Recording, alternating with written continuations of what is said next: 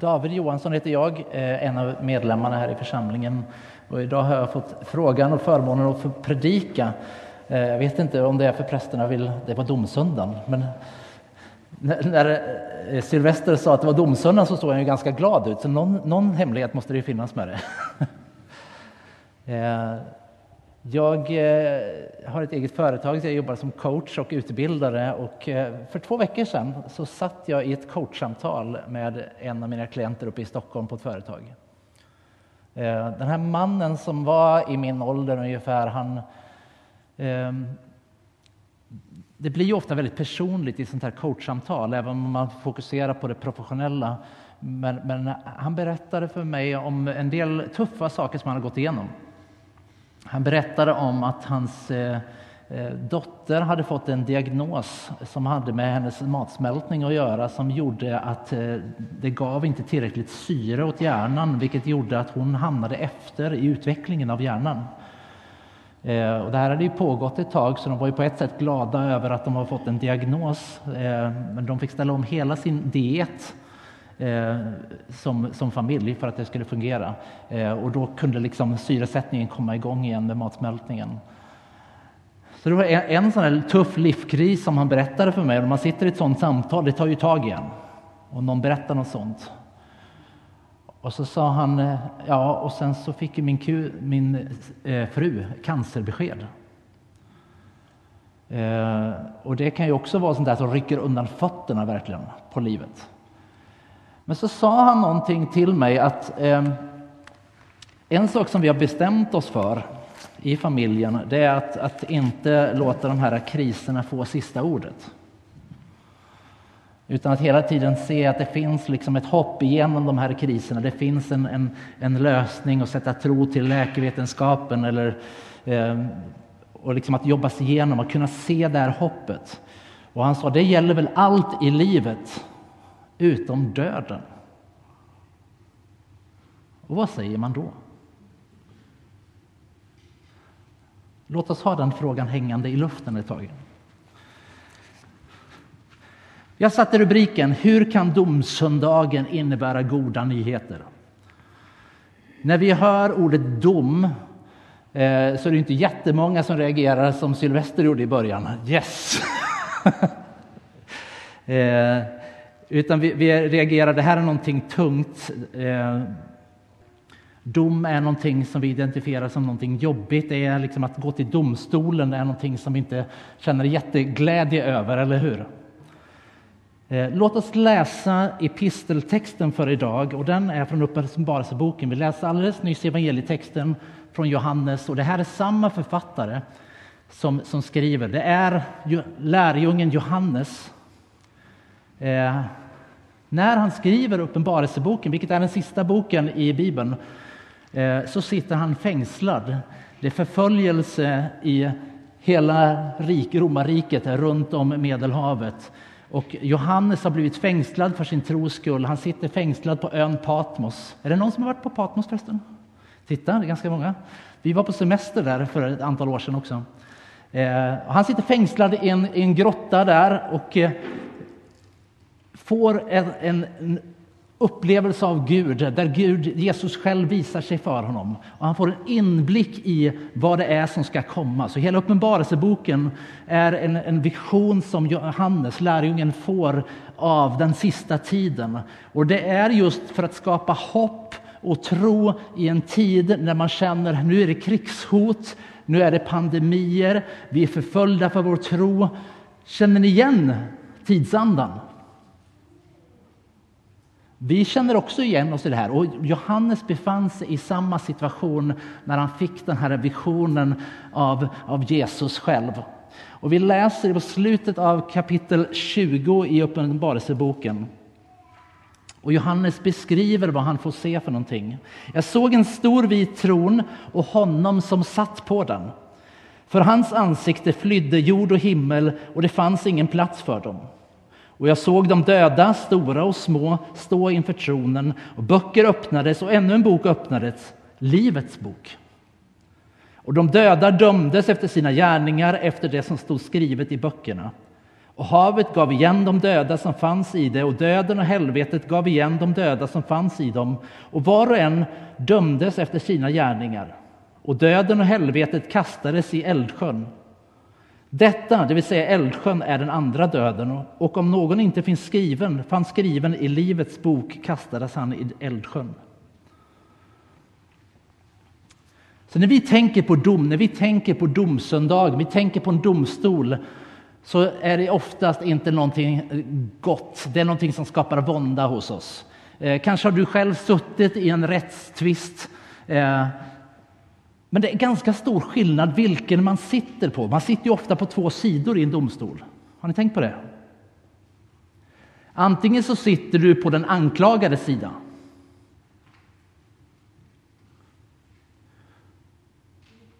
Och du hoppas på en rättvis dom för det du har gjort. Eller så sitter du på offrets sida och du hoppas att den anklagade får en rättvis dom för det de har gjort mot dig.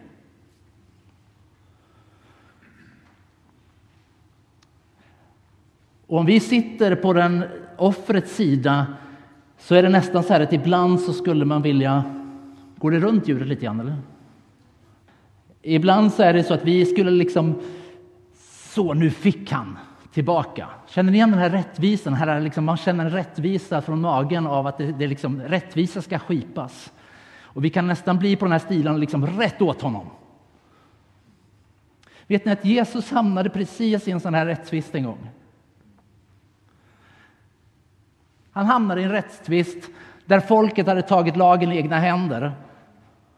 Det judiska folket de hade lagen på sin sida och sen så kommer de och jagar en kvinna som hade begått äktenskapsbrott. Och det här händer liksom mitt på gatan framför Jesus. Och de kommer där med stenar i handen och de är så här, ah, vi ska, hon ska få för hon har gjort fel. Och så kommer de fram där Jesus sitter och Jesus säger Den av er som är utan synd kastar den första stenen. Vad händer? Jo, en efter en inser att jag är inte utan synd. De släpper sina stenar och så går de iväg och till slut så är bara Jesus och kvinnan kvar där. Och Jesus säger inte heller jag dömer dig. Gå och synda inte mer. Om vi är riktigt ärliga så sitter vi inte i den här domstolen alltid bara på offrets sida utan vi är också en del av synden. Och Det är det som vi bekänner i syndabekännelsen. Vi bekänner inför dig, Gud, att vi har syndat mot dig. Vi är en del av det. Vi vet att vi misslyckas, varenda en av oss. Vi är, på de anklagade sida. Vi är under domen. Och Bibeln beskriver också i Romarbrevet alla har syndat och gått miste om härligheten från Gud. Alla har vi kommit till korta, alla har vi syndat. Det, vi alla har gjort det på något sätt.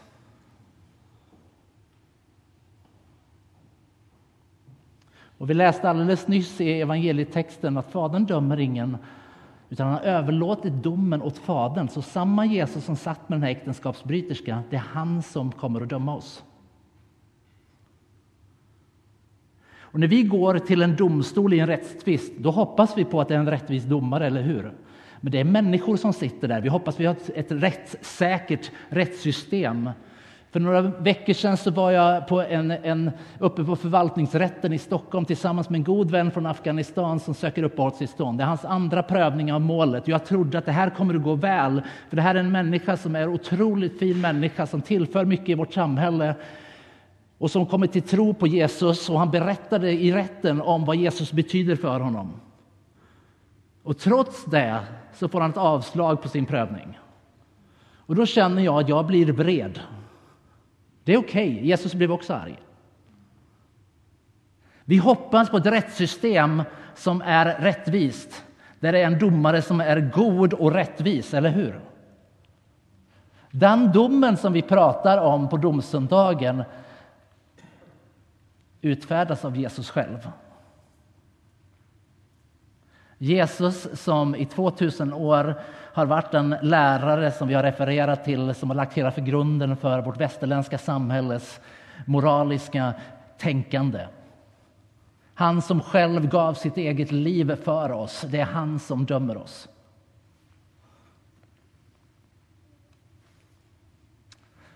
Och det är inte bara att vi står inför en domare som är god och vi känner oss trygga med.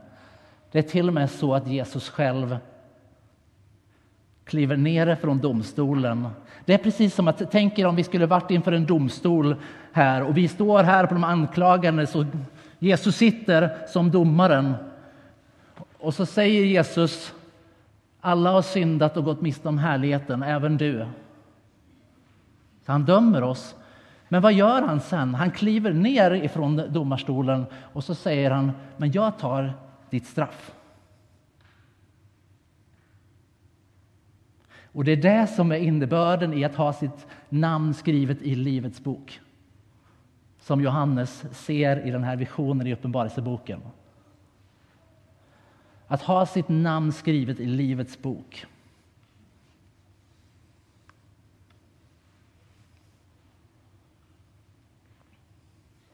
Så egentligen så handlar det om inte om vi lyckas att vara perfekta, att vi klarar domen, för ingen av oss klarar domen. För vi, vi kommer till korta, alla av oss. Vi kommer till korta i våra relationer, i våra äktenskap, mot våra barn, eller mot mamma och pappa eller mot vänner. Vi kommer till korta och domen är att vi inte klarar av att leva, för det är ingen människa som gör det. Och det var just det som Gud insåg när han sände sin egen son att dö för oss. Och, och Gud själv säger, jag dömer er, men jag kliver också ner och tar straffet för er. Så det vi behöver göra egentligen är bara att ta emot den gåvan av att tro på Jesus. C.S. Lewis, en del av er känner säkert igen namnet C.S. Lewis. Han har skrivit de här Narnia-böckerna eh, om häxan och lejonet. Han har skrivit många andra böcker också som är fantastiska. Han har skrivit en bok som heter Den stora skilsmässan. En bok som i en bildform handlar om den sista tiden som en bussresa. Han kliver på en buss och så får vi följa hans resa. Eh, och i den boken så skriver han det finns till slut bara två människor, två sorters människor, eller två slags människor. De som till Gud säger ”ske din vilja”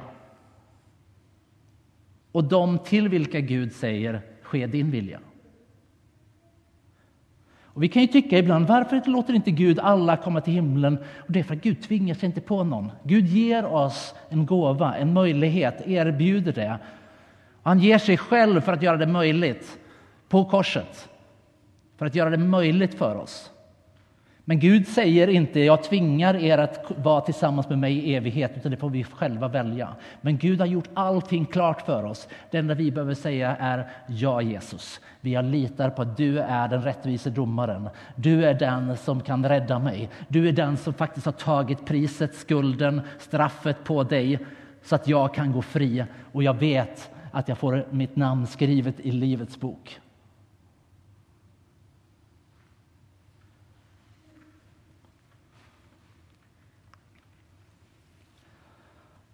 Jag tror det var Sylvester som var inne på det också, att du kanske går igenom tuffa saker precis som den här mannen som jag mötte i coachsamtalet. Du kanske har fått en sjukdomsdiagnos eller någon i din närhet. Du kanske har fått avslag på ett uppehållstillstånd. Du kanske lider av sjukdom på olika sätt. Du kanske lider av psykisk ohälsa och man tänker att den här tunneln är för trång. Det finns inget ljus i tunneln. De goda nyheterna är att det finns ljus i tunneln. Låt oss läsa vad Johannes skriver i kapitel 21 när han fortsätter. De första verserna i Uppenbarelseboken 21. Och jag såg en ny himmel och en ny jord. Den första himlen och den första jorden var borta och havet fanns inte mer. Och jag såg den heliga staden, det nya Jerusalem, komma ner från himlen, från Gud, redo som en brud som är smyckad för sin man. Och jag hör en stark röst från tronen. Se, nu står Guds boning bland människor. Paus. Guds boning, Guds tält. Gud är närvarande bland sitt folk. Han är inte långt borta. Gud har kommit till sitt folk. Nu står Guds boning bland människorna. Han ska bo hos dem och de ska vara hans folk och Gud själv ska vara hos dem. Och han ska torka alla tårar från deras ögon. Döden ska inte finnas mer och ingen sorg, ingen gråt och ingen plåga för det som förr var är borta. Och han som satt på tronen sa Se, jag gör allting nytt. Och han sade skriv för dessa ord är trovärdiga och sanna. Så domsöndagen är ju faktiskt när Gud sätter punkt för all ondska som, som plågar oss. Inklusive hur vi själva misslyckas. Det Gud sätter en punkt för det och så säger han nu kommer det inte finnas någon sjukdom, det kommer inte finnas någon död längre. Det kommer inte finnas några tårar. Det kommer inte finnas några som, som misshandlar mig eller som missbrukare som, som, som gör mig illa. Det kommer inte finnas längre. För Gud har satt punkt för det. Och så får vi som bara har sagt ja, inte för att vi är perfekta, inte på grund av att vi är bättre än någon annan, utan bara för att vi har sagt ja till Jesus. Jag vill ha mitt liv skrivet i Livets bok. Jag inser att jag misslyckas också. Och så får vi ta emot den gåvan att Jesus kliver ner ifrån domstolen och så säger han, jag har tagit ditt straff på mig. Jag har dött i ditt ställe. Och så får vi bli en del av det här ljuset i tunneln där det inte kommer finnas några tårar längre, det kommer inte finnas någon död, det kommer inte finnas någon sjukdom, det kommer inte finnas separationer, det kommer inte finnas någon som misshandlar en annan person, utan vi får leva precis så som Gud hade tänkt från början. Kören ska alldeles strax sjunga en sång. Jag fick reda på den i förväg och jag, jag blev så glad för det är en av mina favoriter. Eh, den heter på engelska My life is in your hands. Eh, mitt liv är i dina händer. Men lyssna på den här sången, inte bara som att det här är en kör som står och sjunger för er, utan det är också en text av vad Gud säger till oss. Så du får gärna sluta dina ögon och bara ta en, de här minuterna tillsammans med Gud. Kanske är det här ditt tillfälle för att ta ett beslut för att jag vill säga ja till Jesus. Inte för att vi är perfekta, utan bara för att vi bekänner Gud, jag är en syndare, jag är i behov av dig. Och jag vill ha mitt namn skrivet i Livets bok utifrån den bilden som Johannes fick se. Så ta tillfället, ta ett beslut. Jag gör en liten kupp. Är det någon som jag såg förut att det var en sån vacker bild när vi hade lovsången. Det var många som kom fram och böjde sina knä här framme. Och det är ett uttryck för att vi behöver Gud. Så är det så att du inte tog chansen förut, så under sången, du får komma fram. Jag och Sylvester kommer att lägga din hand på dig och ber för dig. Om du känner att jag behöver Gud, jag behöver att en smak av himlen redan nu. Jag behöver ha mitt namn skrivet i Livets bok. Eh, men jag skulle också vilja uppmuntra dig, om du inte har tagit beslutet tidigare, att vill du följa Jesus så prata med Sylvester eller Jonas som är vår präst. Du kan prata med mig eller kom på tisdag på Alfa kvällen. Det här är en fantastisk möjlighet att faktiskt få, få, det får tändas ett ljus i tunneln. Tack Jesus för att du har gjort allt. Tack att vi får se att även domsöndagen är någonting gott. När allt det som plågar oss inte kommer finnas mer. Ingen död, ingen sjukdom, inga tårar. Jag ber dig, helige Ande, att du väcker tillit till dig hos de människor som ännu inte tagit beslut att följa dig, Jesus. Vi har ingenting annat att berömma oss av än vem du är och vad du har gjort för oss.